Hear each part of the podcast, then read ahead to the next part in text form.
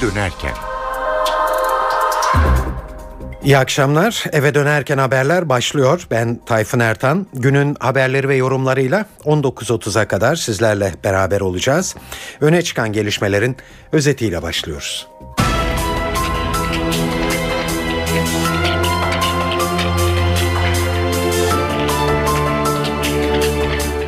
Başbakan Erdoğan'ın Cumhurbaşkanı Gül'e yönelik iki başlılık eleştirilerine bugün Gül'den yanıt geldi. Gül, Cumhurbaşkanı olarak bayramın nezih bir şekilde kutlanması için yetkililerin dikkatini çekmemden daha doğal bir şey olmaz dedi. İki başlılık konusu başkanlık sistemi tartışmalarını da öne çıkardı. Başbakan Erdoğan'dan sonra Meclis Başkanı Çiçek ve Anayasa Komisyonu Başkanı Kuzu da başkanlık sistemine geçilmesini savundular. Cezaevlerindeki açlık greviyle ilgili çelişkili açıklamalar var. Başbakan Erdoğan açlık grevi diye bir şey olmadığını söyledi.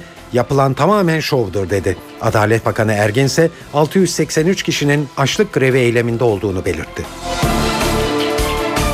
Van Cumhuriyet Başsavcılığı BDP'lilerle PKK'lılar arasındaki buluşmayla ilgili olarak 10 vekilin dokunulmazlığının kaldırılması için Adalet Bakanlığı'na başvurdu. Ve Mardin Yeşilay Şube Başkanı Artuklu Üniversitesi'nde okuyan öğrencileri hedef aldı. Üniversite kentimize ahlaksızlık getirdi diye konuştu.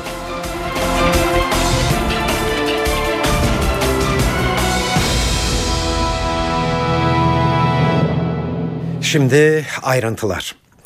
29 Ekim'de polis barikatlarının kaldırılması konusunda Başbakan Erdoğan'la Cumhurbaşkanı Abdullah Gül arasında başlayan çift başlılık tartışması bugün devam etti. Başbakan Erdoğan'ın bu ülkeyi çift başlı sistemle yönetmiyoruz şeklindeki çıkışına bugün Cumhurbaşkanı Abdullah Gül'den yanıt geldi. Gül, ülke idaresinde çift başlılık doğru değildir. Böyle bir şey zaten söz konusu değil. Herkesin dikkatli bir şekilde ne konuştuğumuza bakmamız lazım dedi. Erdoğan Gül polemiği dün Başbakan Erdoğan'ın yürüyüşü engelleyen barikatların kaldırılması talimatını kimin verdiği sorusuna verdiği şu yanıtla başlamıştı. Sayın Cumhurbaşkanı Sayın Valime böyle bir talimat verdi mi vermedi mi bu konudan da haberim yok.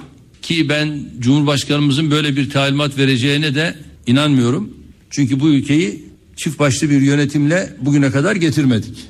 Bundan sonra da çift başlı bir yönetimle bu ülke bir yere varmaz. Eğer bu ülkede yani bir başkanlık sistemi arzu ediliyorsa ben bundan yanayım. Ha bir başkanlık sistemi gelir o zaman bu adımları çok daha rahat atarız.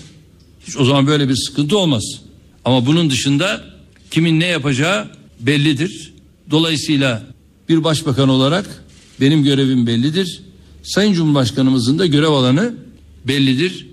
Yani kimse de böyle bir gayretin içerisine girerek durumdan vazife çıkarmasın. İşte Başbakanın bu sözlerine Cumhurbaşkanı Abdullah Gül bugün karşılık verdi. Gül şöyle konuştu. Şimdi hiç tabii yanlış anlamalara falan hiç gerek yok. Herkesin e, gayet dikkatli bir şekilde hep ne konuştuğumuza hep bakması lazım. Önce tabii e, Cumhurbaşkanı olarak Cumhuriyet Bayramı'nın bütün ülkede nezih bir şekilde kutlanması ile ilgili e, yetkililerin dikkatini çekmemden daha doğal bir şey olmaz. Ayrıca çift başlılık gibi bir şey de olmaz memleket idaresinde, ülke idaresinde çift başlılık doğru da değildir. Böyle bir şey de zaten söz konusu da değildir. Anayasamız, mevcut kanunlarımız hepimizin yetki ve görevlerini, sorumluluklarını zaten açıkça belirtmiştir. O bakımdan hepimizin yanlış anlamalara fırsat vermemek gerektiği kanaatindeyim. Gelelim bu konulardaki yorumlara. Akşam gazetesi Ankara temsilcisi Çiğdem Toker'e göre Erdoğan ve Gül arasındaki bu görüş ayrılığı sadece barikatlar konusunda değil 29 Ekim yürüyüşünün diğer yönlerinde de su yüzüne vurmuştu. Toker polemiği önemli bir ayrışma olarak görüyor. Sayın Başbakanla Sayın Cumhurbaşkanı arasında ciddi ayrışmaya dönüştüğünü düşündüğüm farklılıklar var. 29 Ekim'le ilgili olarak Sayın Başbakan Kılıçdaroğlu'nu bu güzel günü gölgelemek ve provoke etmekle suçlarken Sayın Cumhurbaşkanı da 29 Ekim Halkın Bayramı herkes istediği kadar kutlamalı, kutlayabilmeli ifadelerini kullandılar. Bunların üzerinden bunlar henüz çok tazeyken e, ve biz henüz bunları tartışıyorken 29 Ekim'i tartışıyorken Sayın Başbakan'ın Almanya'ya hareketinden önce havaalanında e, Ankara Valisi Alaaddin Yüksel'i Sayın Cumhurbaşkanı makamına çağırıp germeyin, e, gerilmesine izin vermeyin, esnek olun yönündeki telkinlerinin sorulması karşısında verdiği cevap, e, tepkisel cevap da bu benim sözünü ettiğim şey herhalde son e, örneği oluşturacaktır ve ben bunun bir dönüm noktası e, olduğunu da düşünmekteyim doğrusu. Erdoğan ve Gül arasındaki bu polemiği çok da büyütmemek gerektiğini düşünenler de var. Bunlardan biri Sabah gazetesi yazarlarından Mehmet Barlas. Ben ayrılıklar olduğu kadar hangi, noktalarda ortak görüşler var ona da bakmaktan yanayım. Ahmet Necdet Sezer'le Erdoğan ilişkilerini Babacan'ı çağırdı azarladı falan. Şimdi e, şeyle Abdullah Gül'le Başbakan Erdoğan ilişkileri böyle değil. 100 konu getirin 5 tanesine farklı görüş bulursunuz. Ama 95'inde ortaktırlar. Neticede hükümetten gelen hiçbir tasarıyı geri çevirmedi. Hiçbir kararnameyi geri çevirmedi. Oradan gelen hiçbir şey Anayasa Mahkemesi'ne götürmedi falan filan. Referandum konusunda danıştı. O bakımdan bence Abdullah Gül'le Tayyip Erdoğan'ın ortak noktalarını ya da ortak kaderlerini aramak onların ayrılık noktalarını aramaktan daha fazla siyasi anlam taşır. Çünkü gelecekte Erdoğan Cumhurbaşkanı olacak. Belki de Gül Başbakan olacak. Yani böyle düşünün. Dün Başbakan Erdoğan az önce de duyduğunuz şekilde güne güle yönelik açıklamalar yaparken aslında aklındaki başkanlık sistemi düşüncesini de açıklamış oluyordu. Erdoğan belki de ilk kez açık seçik başkanlıktan yana olduğunu ifade etti dün. Bugün Meclis Başkanı Cemil Çiçek'ten de benzer şekilde dikkat çekici bir değerlendirme geldi. Başkanlık sistemiyle ilgili olarak Akşam Gazetesi Genel Yayın Yönetmeni İsmail Küçükkaya'ya konuşan Çiçek, parlamenter sistem devam ederse Cumhurbaşkanı ile Başbakan çatışır. Siyasal gündemi tamamen bu gerginlik kaplar. Muhalefet siyaset yapacak alan bulamaz. Devletin zirvesi kritik konularla karşı karşıya kalır dedi. Çiçek parlamenter sistemi sert sözlerle de eleştirdi. Bu ne idüğü belirsiz bir sistemdir, melez bir yapıdır ifadesini kullandı şu andaki meclis başkanı. Evet Erdoğan Gül arasındaki polemik devlet başkanlığı sistemine geçilmesini savunanlar açısından bir tartışma fırsatı yaratmış görünüyor. Cemil Çiçek'in yanı sıra Anayasa Komisyonu Başkanı AKP'li Burhan Kuzu da eğer başkanlık sistemine geçilmezse çift başlılığın devam edebileceği argümanını kullandı bugün. İki başlılıktan sorun çıkar. O yüzden de ben başkanlık modelini sürekli savundum. Hep bundan dolayı savundum. Çünkü başkanlık modeli dışındaki parlamenter model özellikle bugünkü model e, risk üreten modellerdir. Hele 2014'te biz Cumhurbaşkanı halka seçtirdikten sonra malumunuz e, yeni tabloda bu tür olaylara daha sık da rastlayabiliriz. Sonuç gelin madem ki bu noktada şu anda Anayasa Komisyonu e, hazırlık komisyonumuzda e, bugünlerde hükümet modeli tartışılacak. Bugün yarın başlıyor. Yani parlamenter rejimle devam mı? Yani bence bu sürünme devam demektir. Tam başkanlık modeline mi geçelim? Madem Madem ona gidemiyorsak bir yarı başkanlık ya da partili cumhurbaşkanı dedikleri bence yarı başkanlık modelinin bir başka adı bence. Buna mı gidelim? Bunlara çünkü geçmek daha kolay. E, bunları tartışmamız lazım. Aksi halde hakikaten önümüzdeki senelerde geriye dönüş olmayan sıkıntılar yaşanabilir. Evet. Bir defa şunu e, net söyleyeyim ki Cumhurbaşkanı halka seçtirme konusu kavgalı gürültülü geldi ama geldi. Bu saatten sonra hiçbir güç bunu artık halk değil de meclis seçsin konumuna kolay kolay getiremez. Halk da buna razı gelmez. Madem ki artık Cumhurbaşkanı halk seçecekti bu artık hemen hemen e, ciddi ve kesin bir hüküm haline gelmiştir. O zaman gelin bu ikili başlılıktan doğacak olan muhtemel bir takım sorunları önceden görerek çözelim. Bunların biz biliyoruz neler çıkabileceğini az çok olabiliyor. Bunların çözümünü pekala anayasada bulabiliriz. Bunu da buradan söylemiş oluyorum.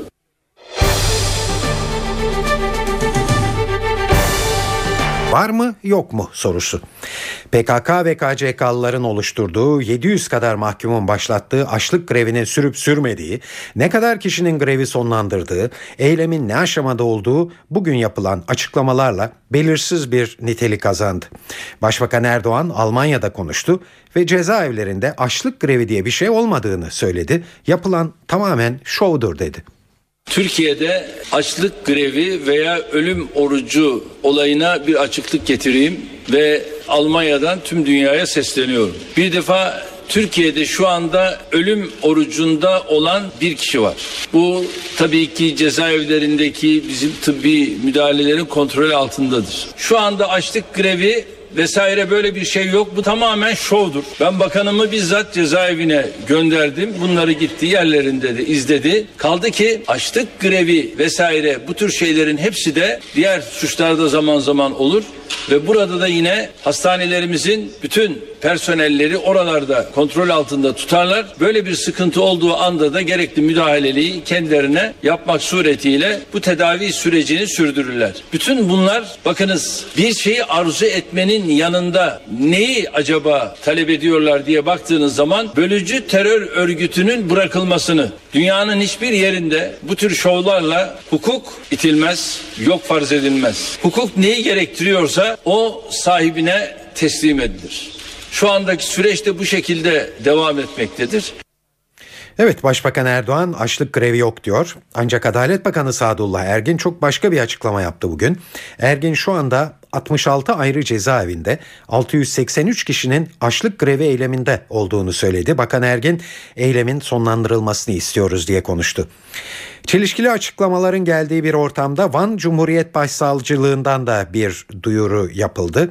Başsavcılık Van'da açlık grevi yapan 120 kişiden 102'sinin eylemi sonlandırdığını açıkladı. Bunlar arasında Van Belediye Başkanı Bekir Kaya ile bazı BDP'li yöneticilerin de bulunduğu anlaşılıyor.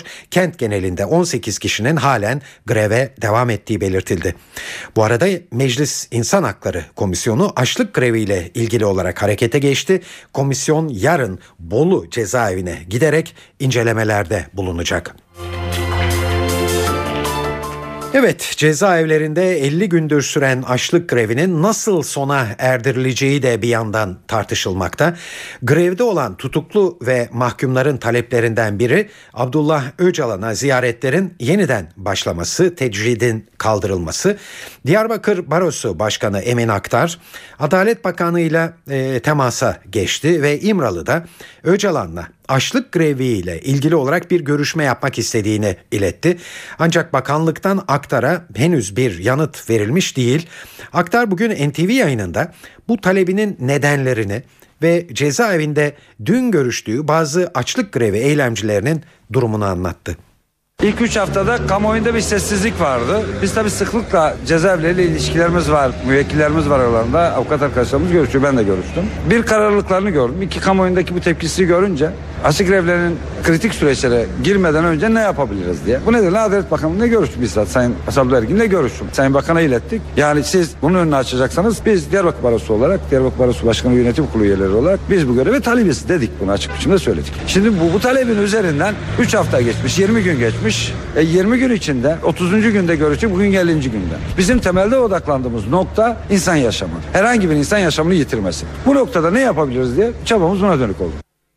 Evet Abdullah Öcalan'ın İmralı'da ziyaret edilebilmesinin mümkün olmamasının gerisinde devam eden KCK davalarıyla ilgili kaygılar var ve bir çözüm yolu olarak Öcalan'ı bağımsız bir avukatın ziyaret edebilmesi düşünülmekte. Bu isim olarak da ee, az önce sözlerini duyduğunuz Aktar'ın ismi öne çıkıyor ama Aktar'ın bakanlıktan bir yanıt alamamasının nedenleri de var. Bu sürecin perde arkasını Akşam Gazetesi Ankara temsilcisi Çiğdem Toker anlatıyor. Adalet Bakanlığı ile yapılan görüşmelerde e, bakanlığın bu konuda tek yetkili merci biz değiliz dediğini kulislerden biliyoruz. E, burada bir kere son sözü söyleyecek olan e, Sayın Başbakan yani e, Emin Aktar'a Diyarbakır Barosu Başkanı İmralı'ya gidip gitmemesine bu ben bunu bu kadar net görüyorum. Ee, konu da şu aslında Öcalan'ın avukatlarıyla görüşmesine çok uzun bir süredir koster bozuk, gemi arızalandı gibi e, resmi doğru olmayan, yalan demeyeyim e, bir gerekçeyle izin verilmemesi de e, yine hükümet yetkililerinin açıkladığına göre e, devam etmekte olan süren e, KCK davalarının etkilemesi ve onun bir parçasına dönüşmesi kaygısından kaynaklanıyor. Ee, Öcalan'ın 13 yıldır görüştüğü avukatlarıyla ya da Asrın Hukuk Bürosu'nun yenilenen avukatlarıyla e, görüştürülmüyor olması bu nedenle de bağımsız bir e, avukatla görüşmesinin yolları aranıyordu. Bu işin kısa tarihi bu. Resepsiyon akşamı e, birkaç yetkiliyle de temas etme fırsatı bulmuştuk. Yakınlarıyla görüşmesinde e, hiçbir engel yok dediler e, Öcalan'ın. Peki e, avukatlarla görüşmesi e, ne dönük rezerv sürüyor mu e, sorusunu yönelttiğimizde de e, durum şu anda öyle görünüyor e, cevabını aldık. Bursa'da ise Yıldırım ilçesinde cezaevlerindeki açlık grevine destek veren BDP'li bir grupla karşıt görüşlü bir grup arasında gerginlik yaşanmakta. İlçede 3 gündür devam eden bu gerginlik dün gece yeniden tırmandı. 250 kişilik BDP'li bir grupla PKK aleyhine slogan atan yaklaşık 500 kişilik bir grubun toplanması üzerine polis iki grup arasına panzerlerle set kurdu. Biber gazı ve tazikli su kullanarak grupları dağıtmaya çalıştı. Bölgeye Yalova, Eskişehir ve Sakarya'dan takviye ekipler gönderildi. Yaklaşık 4 saat sonra olaylar yatıştırıldı. Ancak arbedede biri ağır iki kişi yaralandı. Bu sabah bölgeye 4 araçla jandarma komando ekipleri gönderildi. Kentte geniş güvenlik önlemleri alındı. Orta Doğu Teknik Üniversitesi'nde de Ankara'da açlık grevi gerginliği yaşandı. Eyleme destek veren bir grup öğrenci sloganlar ve pankartlarla ODTÜ'den Kızılay'a yürümek istedi. Ancak öğrenciler kampüsün giriş kapısında polis barikatıyla karşılaştı. Yürümekte ısrar eden gruba polis biber gazıyla müdahale etti. Öğrenciler bu müdahalenin ardından dağıldılar. Günün öne çıkan iki e, gelişmesi, iki büyük e, haberini e, size hızla özetleyeyim bizi arada dinlemeye başlayanlar için. Başbakan Erdoğan'ın e, Cumhurbaşkanı Gül'e yönelik iki başlık eleştirilerine bugün Gül'den yanıt geldi. Gül, Cumhurbaşkanı olarak bayramın nezih bir şekilde kutlanması için yetkililerin dikkatini çekmemden daha doğal bir şey olmaz diye konuştu ve cezaevlerindeki açlık greviyle ilgili olarak çelişkili açıklamalar geldi e, üst yönetimden. Başbakan Erdoğan açlık grevi diye bir şey olmadığını söyledi. Yapılan tamamen şovdur dedi. Adalet Bakanı Ergin ise 683 kişinin açlık grevi eyleminde olduğunu belirtti.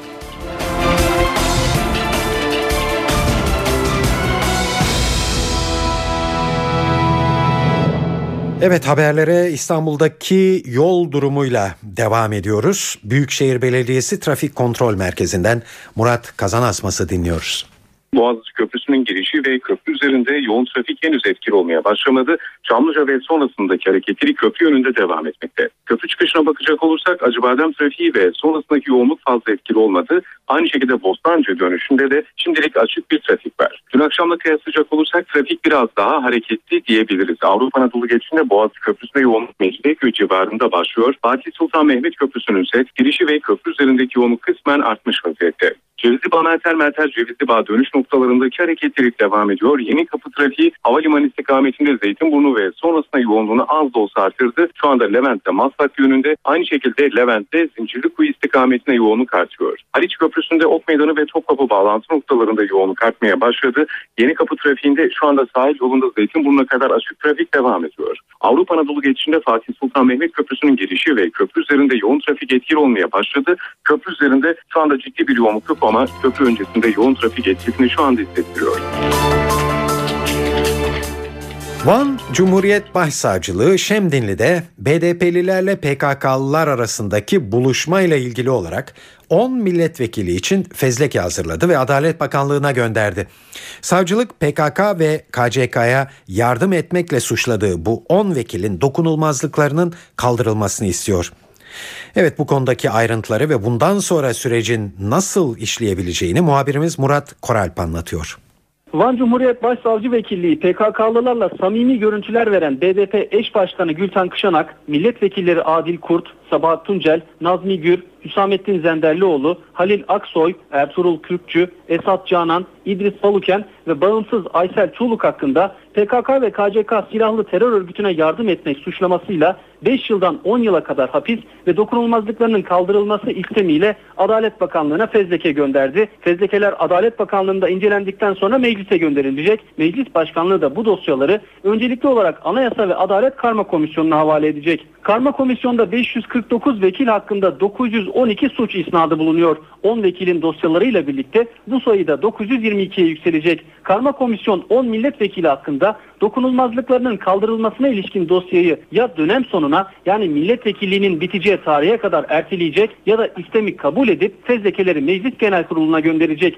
Meclis Genel Kurulu'nda milletvekillerinin dokunulmazlıklarının kaldırılıp kaldırılmayacağına ilişkin bir oylama yapılacak. O gün genel kurula katılan milletvekillerinin yarısından bir fazlası evet derse suç isnat edilen 10 milletvekilinin dokunulmazlıkları kaldırılmış olacak. O dakikadan itibaren vekiller milletvekili sıfatını kaybedecekleri için gözaltına alınabilecekler. Savcının istemi ve hakimin karar vermesiyle tutuklanabilecekler. Yargılama sonucunda yani Yargıtay safahati son bulduğunda suçlu bulunurlarsa ki burada savcı KCK ve PKK silahlı terör örgütüne yardım etmek suçunun işlendiğini düşünüyor. Milletvekillerinin vekillik görevleri de son bulacak ve milletvekilleri bu suçlamanın kesinleşmesi halinde de demir parmaklıkların ardına gönderilecek. Murat Barış Koralp, NTV Radyo Ankara.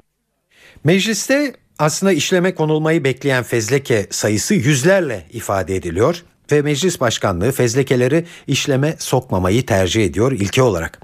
Acaba bu sefer nasıl bir tutum izlenir? Bu soruyu Akşam Gazetesi Ankara temsilcisi Çiğdem Toker'e sorduk.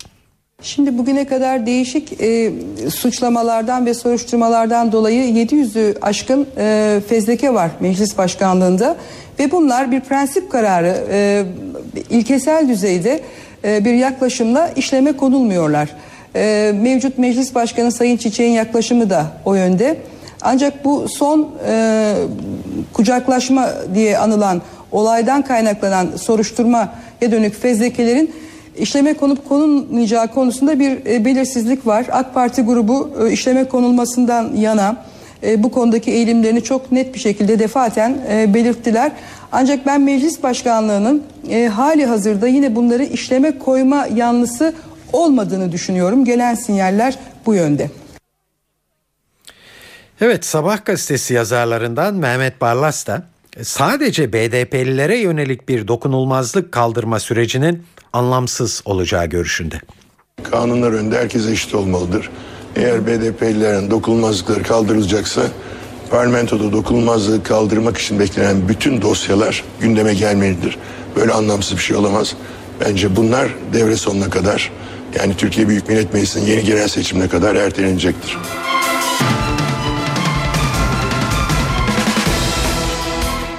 CHP İstanbul İl Başkanı Oğuz Kağan Salıcı'nın Taksim'deki 29 Ekim kutlamaları sırasında törene katılan askerlere dönüp sizin korumanız gereken cumhuriyete biz sahip çıkıyoruz demesi eski bir tartışmayı alevlendirivermişti. Salıcı darbe çağrısı yaptığı yönündeki eleştirilere bugün düzenlediği basın toplantısıyla yanıt verdi.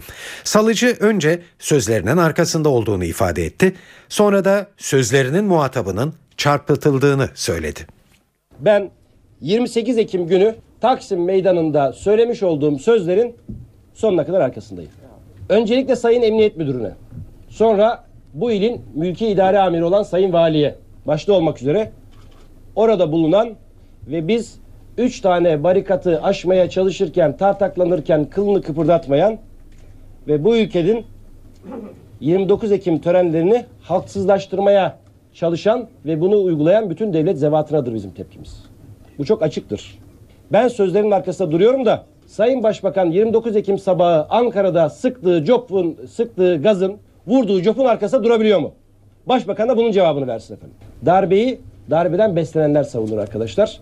Cumhuriyet Halk Partisi bütün tarihi boyunca bu mücadelenin içinde olmuştur ve darbenin mağduru olmuştur. Bizim ne darbeyle ne de başka bir e, otoriter e, yaklaşımla alıp veremediğimiz yoktur. Dün Salıcı'nın kutlamalar sırasında söyledikleri nedeniyle CHP içinde disiplin sürecinin işletilebileceği iddiaları ortaya atırmıştı. Şimdi bu iddiaların asılsız olduğu anlaşılıyor. CHP lideri Kemal Kılıçdaroğlu bugün Salıcı ne yaptı ki durumu parti yönetiminin gündemine gelsin böyle bir şey söz konusu değil diye konuştu. Benzin fiyatlarında yapılan indirimin ardından motorin fiyatlarında da indirime gidildi. Motorin fiyatları ortalama %2 indirimle 8 kuruş düştü. İndirimin ham petrol fiyatlarındaki ve döviz kurundaki gerilemeye bağlı olarak yapıldığı açıklandı. Böylece motorinin litre fiyatı İstanbul'da 4 lira 29 kuruştan satılmaya başlandı. LPG'li araç kullananlar gaz yerine hava alıyor olabilir. Bazı akaryakıt istasyonlarının akaryakıt satışında hile yaptığı ortaya çıktı. Otogazın hacmini hava sıcaklığına göre ayarlayan ATC cihazının devre dışı bırakılmasıyla ödemesi yapılan otogaz miktarı normalde kullanılması gerekenden daha az süre gidiyor. Bu nedenle yetkililer yakıt almak için gece saatlerinin tercih edilmesini öneriyor. Enerji Piyasası Düzenleme Kurumu mevzuatına göre LPG 15 derece sıcaklıkta satışa sunulmalı. Çünkü daha yüksek sıcaklıklarda otogaz genleşiyor ve hacim artıyor. Bu sıcaklığı ayarlamak için de işte ATC cihazları kullanılıyor. Bu cihazın devre dışı bırakılması durumunda özellikle sıcak bölgelerde tüketicinin aleyhine bir durum ortaya çıkıyor. Türkiye'nin uluslararası kredi derecelendirme kuruluşlarından not arttırımı beklediği bir dönemde Moody's dikkat çekici bir uyarıda bulundu. Türkiye ile ilgili bir rapor yayınlayan Moody's, politik riskler konusuna dikkat çekti.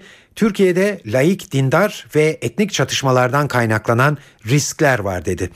Raporda ekonomik değerlendirmeler başlığı altında kredi notunun arttırılması için cari açığın azaltılması gerektiği ifade edildi. Moody's kamu maliyesinde bozulma olursa kredi notunun düşebileceğini de belirtti.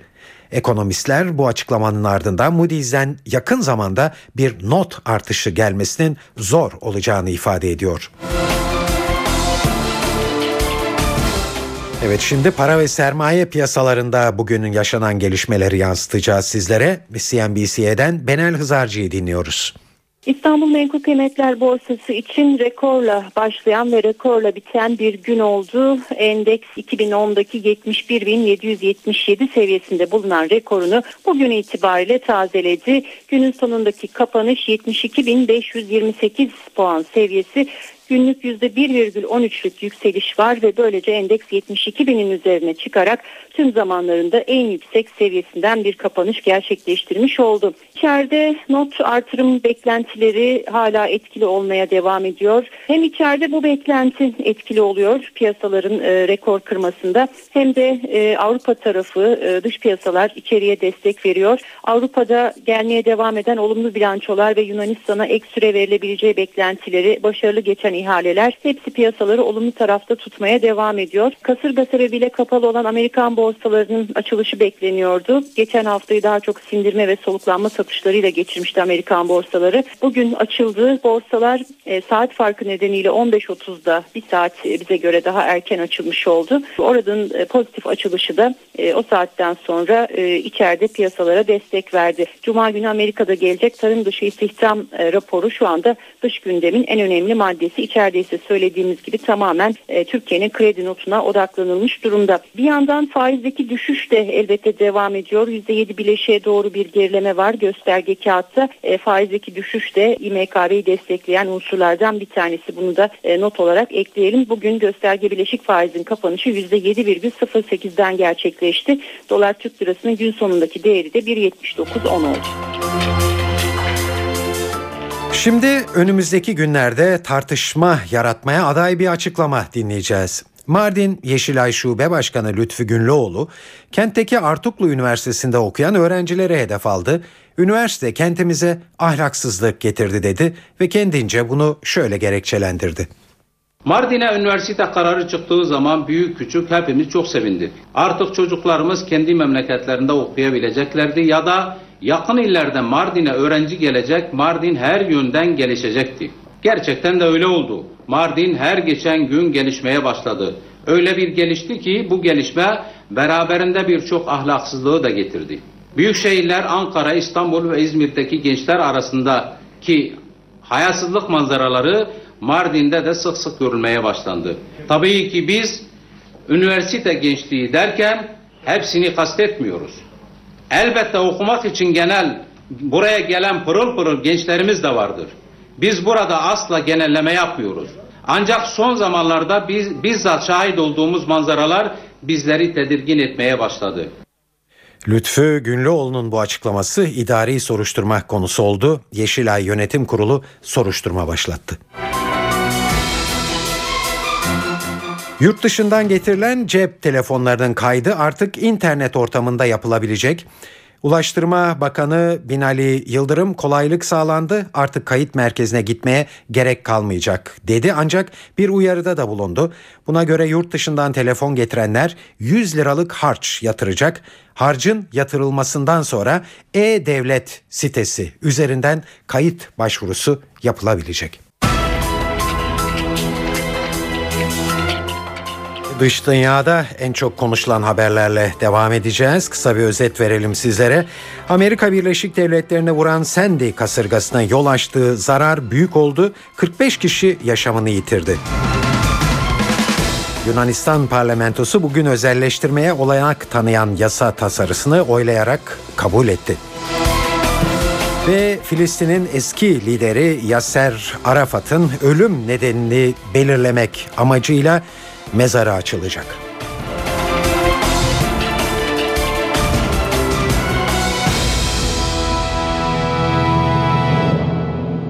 Amerika Birleşik Devletleri'ni vuran Sandy kasırgasının yol açtığı zarar gerçekten büyük oldu.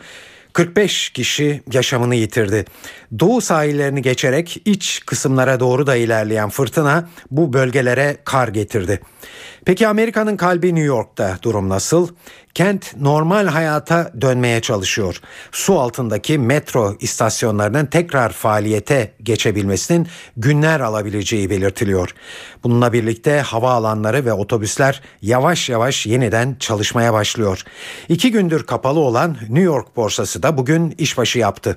Onlarca can alan ve 8 milyondan fazla kişiyi elektriksiz bırakan Sandy'nin neden olduğu zararın 45 milyar doları bulabileceği belirtiliyor. Sandy kasırgası Türkiye'nin Washington Büyükelçiliği ve Başkonsolosluklarını da alarma geçirdi. Büyükelçi Namık'tan Amerika'da bulunan Türk vatandaşlarına her türlü desteği vermek için tüm imkanları kullanarak çalıştıklarını söyledi. Büyükelçilikte gelişmeleri yakından takip etmek için kriz merkezi kuruldu.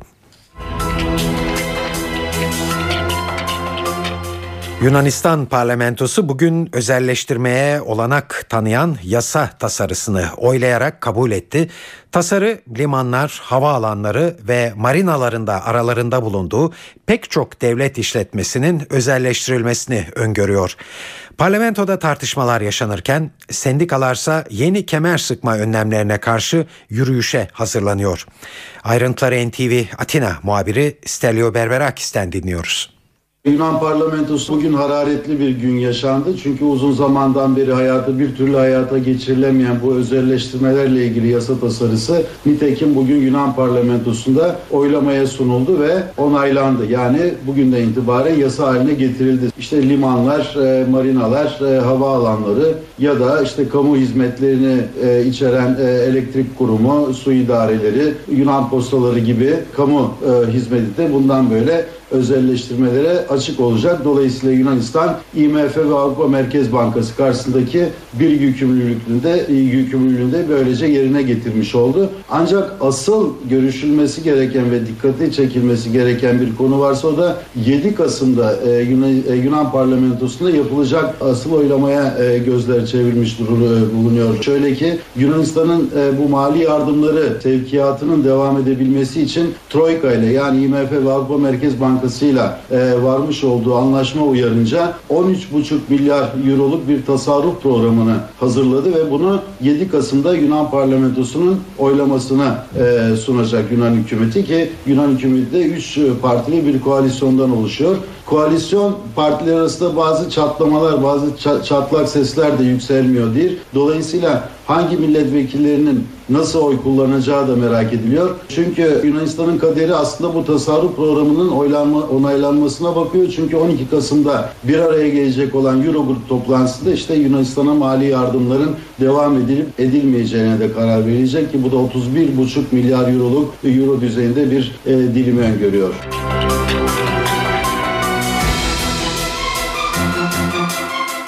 İran nükleer programıyla ilgili olarak geçen yaz sessiz sedasız şekilde geri adım attı. Bu açıklama İsrail Savunma Bakanı Ehud Barak'tan geldi. Barak bu açıklamayı İngiliz Daily Telegraph gazetesine yaptı. Barak'a göre İran Ağustos ayında orta derecede zenginleştirdiği uranyumun %38'ini elinde tutmak yerine nükleer yakıt çubuklarına dönüştürdü ve bunları sivil amaçlarla kullanmaya başladı. İsrail Savunma Bakanı Ehud Barak'a göre böylece İran'ın nükleer silah programı 8-10 ay geriye kaymış oldu. Barak'a göre İran ülkesine olası bir saldırıyı önlemek, nükleer krizin Amerikan başkanlık seçimi öncesinde tırmanmasını engellemek ve zaman kazanmak için böylesi bir adım atmış olabilir. Ancak İsrail Savunma Bakanı İran'ın nükleer silah edinmekte hala kararlı olduğunun da altını çiziyor. Ehud Barak, İran'ın nükleer silah programının önümüzdeki bahar veya yaz aylarında İsrail'in tek başına müdahale edemeyeceği bir noktaya ulaşabileceği öngörüsünde de bulundu. Bu nedenle de İsrail ve müttefikleri 2013 yazından önce İran'a askeri harekat konusunda karar vermek zorunda kalabilir Barak'a göre. Barak ayrıca İran'ın Orta Doğu'da bir nükleer silahlanma yarışı başlatacağını da iddia etti ve İran'ın nükleer silahı olursa Suudi Arabistan ve Türkiye'de kısa zamanda nükleer güce dönüşür dedi.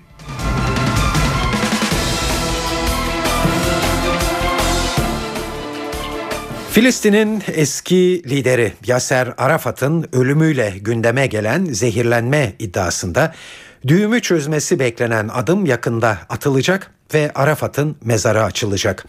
Bu işlem için Fransa ve, ve İsviçre'den iki ayrı ekip Kasım ayı sonunda Batı Şeria'nın Ramallah kentine gidecek.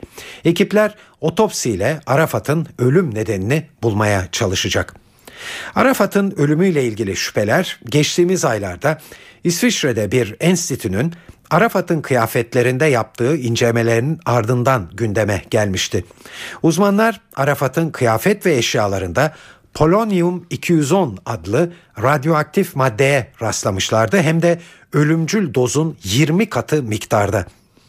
2004 yılında aniden rahatsızlanarak Ramallah'tan Paris'teki askeri hastaneye nakledilen Arafat Fransa'da hayatını kaybetmişti.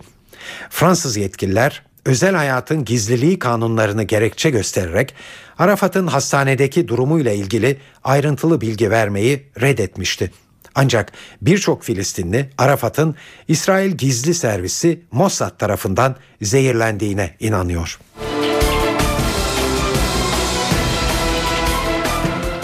Küresel ısınma temel gıda ürünlerini ortadan kaldırabilir. Birleşmiş Milletler Gıda Günlüğü Güvenliği Komitesi'nin yaptırdığı araştırma işte bu çarpıcı sonucu ortaya koydu. Araştırmaya göre artan sıcaklıklar mısır, buğday, pirinç ve patates gibi temel gıdaların yetiştirilmesine engel olacak. Hatta iklim değişikliği sonucunda muz örneğin patatesin yerini alarak daha da yaygınlaşacak. Muzun besin değeriyle artık yetişmeyecek ürünlerin yerini tutabileceğine dikkat çekiliyor. Kuraklık nedeniyle daha az hayvancılık yapılabileceğinden protein eksikliği de yaşanabilecek. Bu nedenle protein açısından zengin soya fasulyesinin daha fazla yetiştirilmesi de önem kazanacak. Uzmanlara bakılırsa tüm bu değişiklikler gıda fiyatlarında da tabii aşırı artışa yol açacak.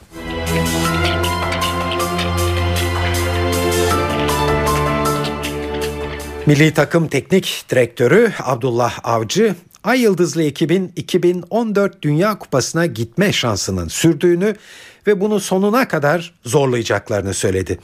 NTV'nin sorularını yanıtlayan Avcı, hedeflerinden planlarına, yapılan eleştirilerden oyuncularıyla ilişkilerine kadar pek çok konuda dikkat çekici açıklamalarda bulundu.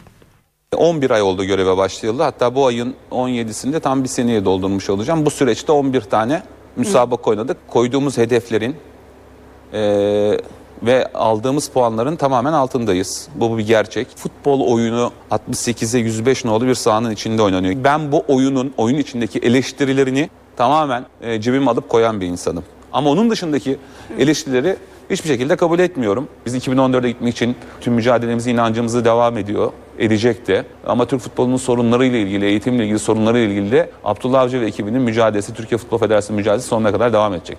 3 milyonluk nüfuslu Almanya'da 3 tane Real Madrid'e oyuncu transfer olabiliyorsa, Türk oyuncu transfer olabiliyorsa bizim eğitimle ilgili pro- problemlerimiz vardır. Ben bununla ilgili Almanya'ya gidip araştırmalar da yaptım. Almanya'daki oyunculara bir kere haksızlık yapıyoruz. Burayı tercih edenlere. Bir kere sosyal haklarını bırakıyorlar, pasaportlarını bırakıyorlar. Türk milli takımlarını tercih ediyorlar. Türk milli takımlarının dışında Türkiye liglerinde oynayan bir sürü Almanya'da yetişmiş oyuncularımız da var kulüplerimizde oynayan. Biz şu anda Almanya'da 1786 tane sporcu takip ediyoruz. Bunun toplam yü- 160 tanesi U15'ten A milli takıma kadar gelen oyuncular. Bizde oynayan oyuncuların veya yetiştirdiğimiz oyuncuların uluslararası arenada rol almak istedikleri bir göreve soyunmaları gerekiyor. Bugün Arda Turan Atletico Madrid'e neden gitti? Galatasaray'daki performansından dolayı gitmedi.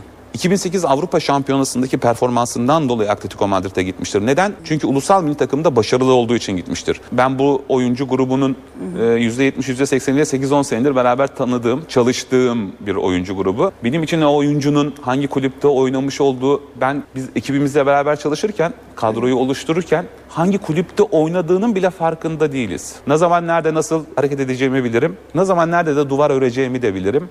İnsanların hakaret, hiçbir insana ben hakaret etmedim, etmeyeceğim de bundan sonra. Benim duruşumu değiştiremezler. Ama benim sonuçlardaki eylemlerim farklı olur. Sezona feda sloganıyla giriş yapıp kemerleri sıkan Beşiktaş'ta devre arası transfer dönemi hareketli geçeceğe benzer taraftarları sevindirecek bir durum. Beşiktaş Başkanı Fikret Orman devre arasında takıma takviye yapabileceklerini söyledi. Orman uzun bir süredir sürüncemede kalan stat projesine de değindi. Esas itibariyle bir takım olmamızdan çok memnunum. Daha işin başındayız. Daha yapacak çok işimiz var. Ama adım adım istediğimiz hedefe doğru gidiyoruz. Bu hedef illaki sezon sonundaki şampiyonluktan daha da önemlisi. Biz yeni kurulmakta olan bir yapı kuruyoruz daha doğrusu. Onun için de biraz zamana ihtiyacımız var. O adımları attığımız için de mutluyum. E, Beşiktaş'ın devre arasıyla alakalı transfer yapmak istiyoruz. Bununla alakalı önemli bir bilim kurduk. Şu anda dünyanın dört bir yanında arkadaşlarımız inceliyorlar. Siz tabii ki e, klişe olmuş bazı isimleri biliyorsunuz ama onun haricinde birçok araştırma yapıyoruz.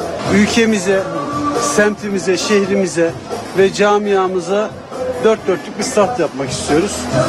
Daha e, işlemlerimiz bitmedi ama proses devam ediyor. Olduğu gibi de hemen başlamak istiyoruz. Evet sırada hava durumu var. Bakalım e, özellikle batı bölgelerini etkileyen e, sert lodos ve yağışta bir değişiklik olacak mı? NTV Meteoroloji Editörü Gökhan Abur anlatıyor. Batıda rüzgarın yeniden Lodos'a dönme sıcaklıkları yarın 3-4 derece arttıracak. Lodos'la birlikte sağanak yağışlar yeniden başlayacak. Batı bölgelerimiz yarın alçak basınç ve soğuk cephenin etkisine giriyor. Öğle saatlerinde Trakya'da başlamasını beklediğimiz ve giderek kuvvetlenecek sağanaklar akşama doğru kıyı Ege daha sonra da Batı Akdeniz'i etkisi altına alacak. Yağışların Çanakkale, Edirne, Tekirdağ, Bozcaada ve Gökçeada'da çok daha kuvvetli olmasını bekliyoruz. Gece saatlerinde ise İzmir, Kuşadası, Bodrum kuvvetli yağışların etkisine girecek. Yarın ayrıca Doğu Karadeniz ve Doğu'da da yağışlar görülecek. Cuma günü doğudaki yağışlar etkisini kaybederken Marmara'da daha kuvvetli olmak üzere Ege, Batı Akdeniz ve Batı Karadeniz'de sağanaklar etkisini sürdürecek. Yağışların Marmara'nın kuzeyi, Karadeniz ve Doğu'da cumartesi günü aralıklarla devam etmesini bekliyoruz. İstanbul'da sıcaklıklar Lodos'ta yarın yükseliyor. Sıcaklık yarın 24 derece olacak ama geceye dikkat diyorum çünkü sağanaklar giderek kuvvetlenecek ve cuma sabahına kadar yer yer etkili olmak üzere devam edecek. Ankara yarın parçalı bulut sıcaklık 22 derece, yağış başkentte cuma günü gelecek. İzmir'de ise yarın lodos kuvvetlenecek ve öğleden sonra sağanak yağmur geliyor. Sıcaklık gündüz 26, gece ise 17 derece olacak. Başbakan Erdoğan'ın Cumhurbaşkanı Gül'e yönelik iki başlılık eleştirilerine bugün Gül'den yanıt geldi. Gül, Cumhurbaşkanı olarak bayramın nezih bir şekilde kutlanması için yetkililerin dikkatini çekmemden daha doğal bir şey olmaz dedi. Cezaevlerindeki açlık greviyle ilgili çelişkili açıklamalar var. Başbakan Erdoğan açlık grevi diye bir şey olmadığını ileri sürdü. Yapılan tamamen şovdur dedi. Adalet Bakanı Ergin ise 683 kişinin açlık grevi eyleminde olduğunu belirtti. Şimdi ayrıntılara geçiyoruz. 29 Ekim'de polis barikatlarının kaldırılması konusunda Başbakan Erdoğan'la Cumhurbaşkanı Abdullah Gül arasında başlayan çift başlılık tartışması bugün devam etti. Başbakan Erdoğan'ın bu ülkeyi çift başlı sistemle yönetmiyoruz şeklindeki çıkışına bugün Cumhurbaşkanı Abdullah Gül'den yanıt geldi. Gül, ülke idaresinde çift başlılık doğru değildir. Böyle bir şey zaten söz konusu değil. Herkesin dikkatli bir şekilde ne konuştuğumuza bakması lazım dedi. Erdoğan Gül polemiği dün Başbakan Erdoğan'ın yürüyüşü engelleyen barikatların kaldırılması talimatını kimin verdiği sorusuna getirdiği şu yanıtla başlamıştı. Sayın Cumhurbaşkanı Sayın Valime böyle bir talimat verdi mi vermedi mi bu konudan da haberim yok. Ki ben Cumhurbaşkanımızın böyle bir talimat vereceğine de inanmıyorum. Çünkü bu ülkeyi çift başlı bir yönetimle bugüne kadar getirmedik. Bundan sonra da çift başlı bir yönetimle bu ülke bir yere varmaz. Eğer bu ülkede yani bir başkanlık sistemi arzu ediliyorsa ben bundan yanayım. Ha bir başkanlık sistemi gelir o zaman bu adımları çok daha rahat atarız. Hiç o zaman böyle bir sıkıntı olmaz. Ama bunun dışında kimin ne yapacağı bellidir. Dolayısıyla bir başbakan olarak benim görevim bellidir. Sayın Cumhurbaşkanımızın da görev alanı bellidir. Yani kimse de böyle bir gayretin içerisine girerek durumdan vazife çıkarmasın. İşte Başbakanın bu sözlerine Cumhurbaşkanı Abdullah Gül bugün karşılık verdi ve şöyle konuştu. Şimdi hiç tabii yanlış anlamalara falan hiç gerek yok. Herkesin e, gayet dikkatli bir şekilde hep ne konuştuğumuza hep bakması lazım. Önce tabii e, Cumhurbaşkanı olarak Cumhuriyet Bayramı'nın bütün ülkede nezih bir şekilde kutlanması ile ilgili e, yetkililerin dikkatini çekmemden daha doğal bir şey olmaz. Ayrıca çift başlılık bir- gibi bir şey de olmaz. Memleket idaresinde, ülke idaresinde çift başlılık doğru da değildir. Böyle bir şey de zaten söz konusu da değildir. Anayasamız, mevcut kanunlarımız hepimizin yetki ve görevlerini, sorumluluklarını zaten açıkça belirtmiştir. O bakımdan hepimizin yanlış anlamalara fırsat vermemek gerektiği kanaatindeyim. Dün Başbakan Erdoğan Gül'e yönelik açıklamalarda bulunurken aslında aklındaki başkanlık sistemi düşüncesini de açıklamış oluyordu. Erdoğan belki de ilk kez açık seçik başkanlıktan yana olduğunu ifade etti. Bugün Meclis Başkanı Cemil Çiçek'ten de benzer şekilde dikkat çekici bir değerlendirme geldi başkanlık sistemiyle ilgili olarak. Akşam gazetesi genel yayın yönetmeni İsmail Küçükkaya'ya konuşan Çiçek, parlamenter sistem devam ederse Cumhurbaşkanı ile Başbakan çatışır. Siyasal gündemi tamamen bu gerginlik kaplar. Muhalefet siyaset yapacak alan bulamaz, devletin zirvesi kritik konularla karşı karşıya gelir dedi. Çiçek parlamenter sistemi sert sözlerle de eleştirdi. Bu ne idüğü belirsiz bir sistemdir, melez bir yapıdır ifadesini kullandı. Evet Erdoğan ve Gül arasındaki polemik devlet başkanlığı sistemine geçilmesini savunanlar açısından bir tartışma fırsatı yaratmış görünüyor. Cemil Çiçek'in yanı sıra Anayasa Komisyonu Başkanı AKP'li Burhan Kuzu da eğer başkanlık sistemine geçilmezse çift başlılığın devam edebileceği argümanını kullandı bugün. İki başlılıktan sorun çıkar. O yüzden de ben başkanlık modelini sürekli savundum. Hep bundan dolayı savundum. Çünkü başkanlık modeli dışındaki parlamenter model özellikle bugünkü model e, risk üreten modellerdir. Hele 2014'te biz Cumhurbaşkanı halka seçtirdikten sonra malumunuz e, yeni tabloda bu tür olaylara daha sık da rastlayabiliriz. Sonuç gelin madem ki bu noktada şu anda Anayasa Komisyonu e, hazırlık komisyonumuzda e, bugünlerde hükümet modeli tartışılacak. Bugün yarın başlıyor. Yani parlamenter rejimle devam mı? Yani bence bu sürünme devam demektir. Tam başkanlık modeline mi geçelim? Madem ona gidemiyorsak bir yarı başkanlık ya da partili cumhurbaşkanı dedikleri bence yarı başkanlık modelinin bir başka adı bence. Buna mı gidelim? Bunlara çünkü geçmek daha kolay. E, bunları tartışmamız lazım. Aksi halde hakikaten önümüzdeki senelerde geriye dönüş olmayan sıkıntılar yaşanabilir. Bir defa şunu e, net söyleyeyim ki Cumhurbaşkanı halka seçtirme konusu kavgalı gürültülü geldi ama geldi. Bu saatten sonra hiçbir güç bunu artık halk değil de meclis seçsin konumuna kolay kolay getiremez. Halk da buna razı gelmez. Madem ki artık Cumhurbaşkanı halk seçecekti bu artık hemen hemen e, ciddi ve kesin bir hüküm haline gelmiştir. O zaman gelin bu ikili başlılıktan doğacak olan muhtemel bir takım sorunları önceden görerek çözelim. Bunların biz biliyoruz neler çıkabileceğini az çok olabiliyor. Bunların çözümünü pekala anayasada bulabiliriz. Bunu da buradan söylemiş oluyorum.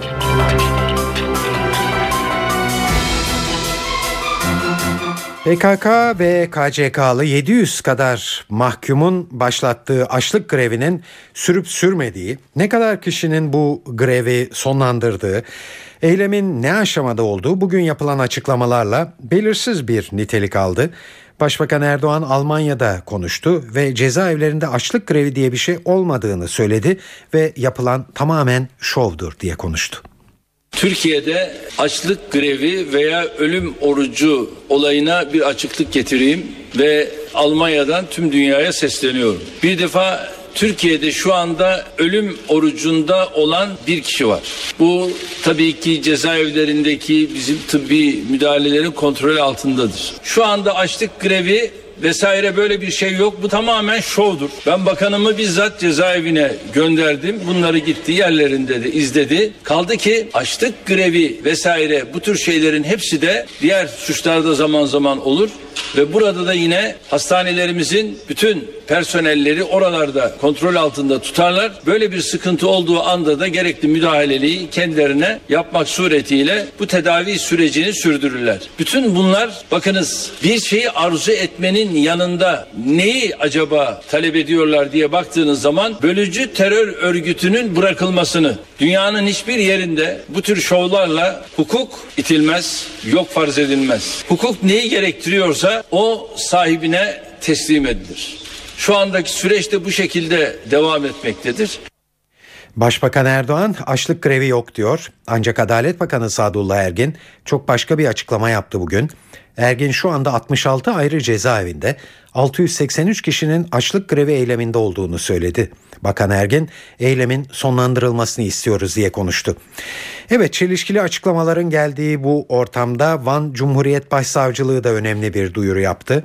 Başsavcılık Van'da açlık grevi yapan 120 kişiden 102'sinin eylemi sonlandırıldığını açıkladı.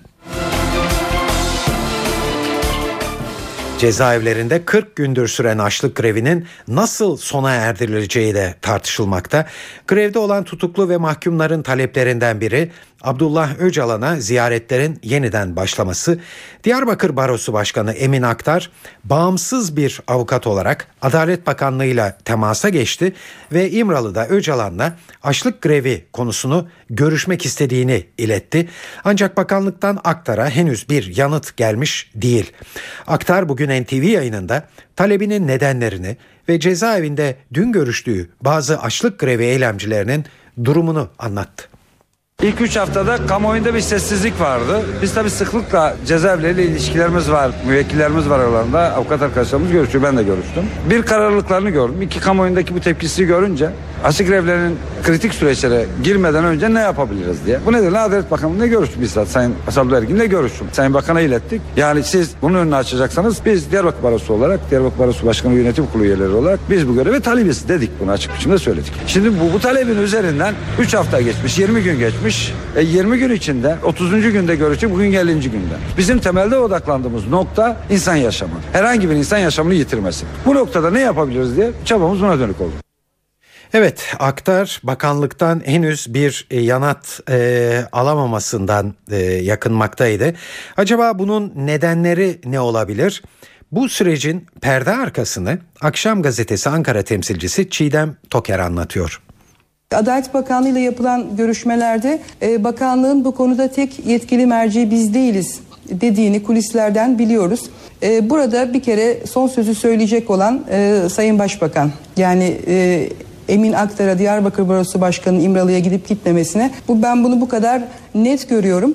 E, konu da şu aslında Öcalan'ın avukatlarıyla görüşmesine çok uzun bir süredir koster bozuk, gemi arızalandı gibi e, resmi doğru olmayan, yalan demeyeyim e, bir gerekçeyle izin verilmemesi de e, yine hükümet yetkililerinin açıkladığına göre e, devam etmekte olan süren KCK davalarının etkilemesi ve onun bir parçasına dönüşmesi kaygısından kaynaklanıyor.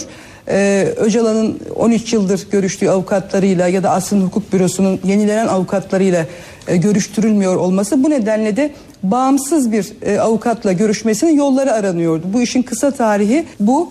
Resepsiyon akşamı e, birkaç yetkiliyle de temas etme fırsatı bulmuştuk. Yakınlarıyla görüşmesinde e, hiçbir engel yok dediler e, Öcalan'ın. Peki e, avukatlarla görüşmesi e, ne dönük rezerv sürüyor mu e, sorusunu yönelttiğimizde de e, durum şu anda öyle görünüyor e, cevabını aldık.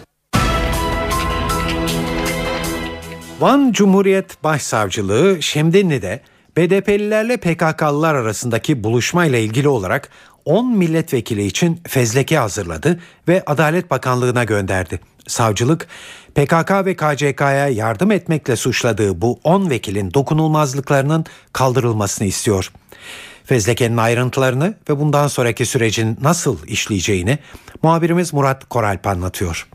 Van Cumhuriyet Başsavcı Vekilliği PKK'lılarla samimi görüntüler veren BDP eş başkanı Gülten Kışanak, milletvekilleri Adil Kurt, Sabahat Tuncel, Nazmi Gür, Hüsamettin Zenderlioğlu, Halil Aksoy, Ertuğrul Kürkçü, Esat Canan, İdris Baluken ve bağımsız Aysel Çuluk hakkında PKK ve KCK silahlı terör örgütüne yardım etmek suçlamasıyla 5 yıldan 10 yıla kadar hapis ve dokunulmazlıklarının kaldırılması istemiyle Adalet Bakanlığı'na fezleke gönderdi. Fezlekeler Adalet Bakanlığı'nda incelendikten sonra meclise gönderilecek. Meclis Başkanlığı da bu dosyaları öncelikli olarak Anayasa ve Adalet Karma Komisyonu'na havale edecek. Karma Komisyon'da 549 vekil hakkında 912 suç isnadı bulunuyor. 10 vekilin dosyalarıyla birlikte bu sayı da 922'ye yükselecek. Karma Komisyon 10 milletvekili hakkında dokunulmazlıklarının kaldırılmasına ilişkin dosyayı ya dönem sonuna yani milletvekilliğinin biteceği tarihe kadar erteleyecek ya da istemi kabul edip fezlekeleri Meclis Genel Kurulu'na gönderecek.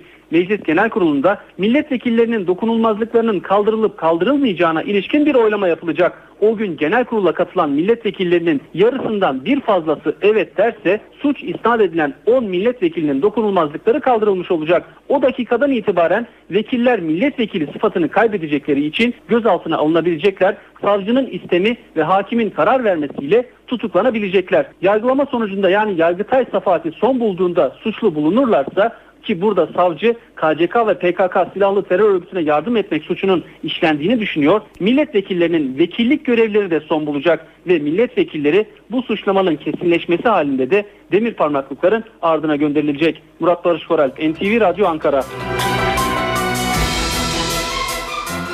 Türkiye'nin uluslararası kredi derecelendirme kuruluşlarından not arttırımı beklediği bir dönemde Moody's dikkat çekici bir uyarıda bulundu. Türkiye ile ilgili bir rapor yayınlayan Moody's, politik riskler konusuna dikkat çekti. Türkiye'de laik, dindar ve etnik çatışmalardan kaynaklanan riskler var dedi. Raporda ekonomik değerlendirmeler başlığı altında kredi notunun arttırılması için cari açığın azaltılması gerektiği de ifade edildi. Moody's, kamu maliyesinde bozulma olursa kredi notunun düşebileceğini de belirtti. Ekonomistler bu açıklamaların ardından Moody's'den yakın zamanda bir not artışının zor olacağını ifade ediyorlar. Önümüzdeki günler içinde tartışma yaratmaya aday bir açıklama dinleyeceğiz şimdi. Mardin Yeşilay Şube Başkanı Lütfü Günlüoğlu, kentteki Artuklu Üniversitesi'nde okuyan öğrencileri hedef aldı. Üniversite kentimize ahlaksızlık getirdi dedi ve kendince bazı gerekçelendirmede de bulundu. Ama konuşması sırasında sadece Mardin'i değil Ankara, İzmir ve İstanbul'a yönelik suçlamalarda da bulundu üniversite öğrencileri açısından. Mardin'e üniversite kararı çıktığı zaman büyük küçük hepimiz çok sevindik. Artık çocuklarımız kendi memleketlerinde okuyabileceklerdi ya da yakın illerde Mardin'e öğrenci gelecek, Mardin her yönden gelişecekti. Gerçekten de öyle oldu. Mardin her geçen gün gelişmeye başladı. Öyle bir gelişti ki bu gelişme beraberinde birçok ahlaksızlığı da getirdi. Büyük şehirler Ankara, İstanbul ve İzmir'deki gençler arasındaki hayasızlık manzaraları Mardin'de de sık sık görülmeye başlandı. Tabii ki biz üniversite gençliği derken hepsini kastetmiyoruz. Elbette okumak için genel buraya gelen pırıl pırıl gençlerimiz de vardır. Biz burada asla genelleme yapmıyoruz. Ancak son zamanlarda biz bizzat şahit olduğumuz manzaralar bizleri tedirgin etmeye başladı. Evet, Lütfü Günlüoğlu'nun bu açıklaması idari soruşturma konusu oldu. Yeşilay Yönetim Kurulu soruşturma açtı. Gelelim kültür ve sanat dünyasından haberlere. Size çeşitli etkinliklerden bir derleme hazırladık.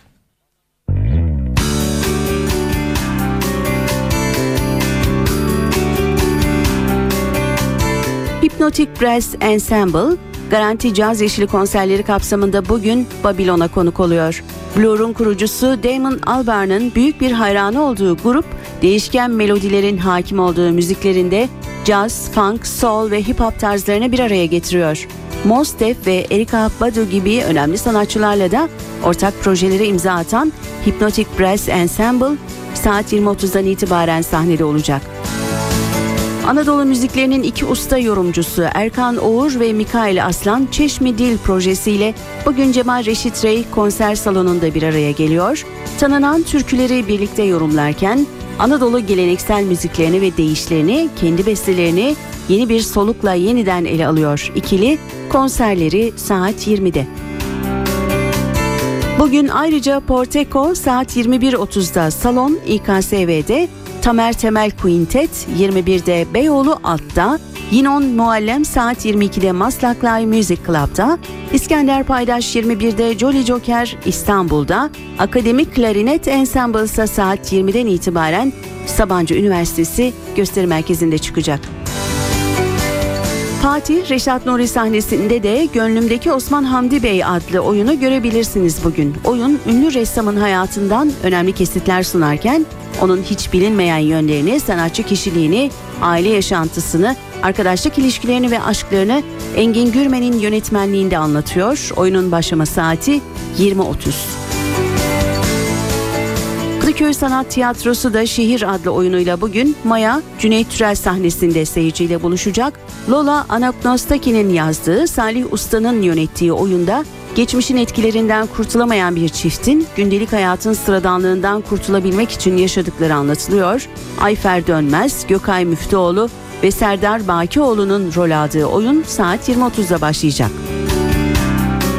İstanbul Modern Sanat Müzesi'nin yeni atölye ve seminer programı da bugün başlıyor. Yaratıcı Yazarlık Atölyesi'nde bu dönem Mario Levi var. Bu atölye bir hikayesi olduğuna inananların nasıl bir yolda yürüyebileceklerini göstermeyi amaçlıyor. Yaratıcı Yazarlık Atölyesi 31 Ekim 5 Aralık tarihlerinde 19.30-21.30 saatler arasında gerçekleşecek. İstanbul dışındaki etkinlikler ise şöyle. Ankara Devlet Opera ve Balesi Osmanlı'nın belki de en ilginç padişahlarından biri olan 5. Murad'ın hayatını bale sahnesine taşıyor. Osmanlı tarihine 93 gün tahta kalan padişah olarak geçen 5. Murad'ın kendi imzasını taşıyan çok sayıda bestesi de bulunuyor. Bale yapıtında Avrupa'yı tarzda yapılmış bu besteler de yer alıyor. 5. Murat Balesi saat 20'den itibaren opera sahnesinde görülebilir. Türk-Alman müzik grubu Caz Yap Caz'da Ankara'da ilk kez Depo Performans Park sahnesinde müzikseverlerle buluşuyor bugün. Cazın funk ve modern kanadını temsil eden grup, İstanbul'un roman havalarını, New York'un cazı, Londra'nın elektronik müziğiyle harmanlayıp sunuyor. Bu konser de saat 22'de. Türkiye'nin önde gelen yeni kuşak piyanistlerinden Rüya Taner bugün İzmir'de Ahmet Adnan Saygun Sanat Merkezi'nde bir resital veriyor. Resitalin başlama saati 20. Gaziantep Şehir Tiyatrosu ise Meraki adlı oyunu tiyatro severlerle buluşturmaya devam ediyor. Yönetmenliğini Zeki Gürdal Karaoğlu'nun yaptığı oyun bir Molière uyarlaması. Geleneksel tiyatromuzun unsurlarıyla bezenmiş oyunda canlı müzik de var. Büyükşehir Belediyesi Onat Kutlar Salonu'ndaki oyun saat 20'de başlayacak.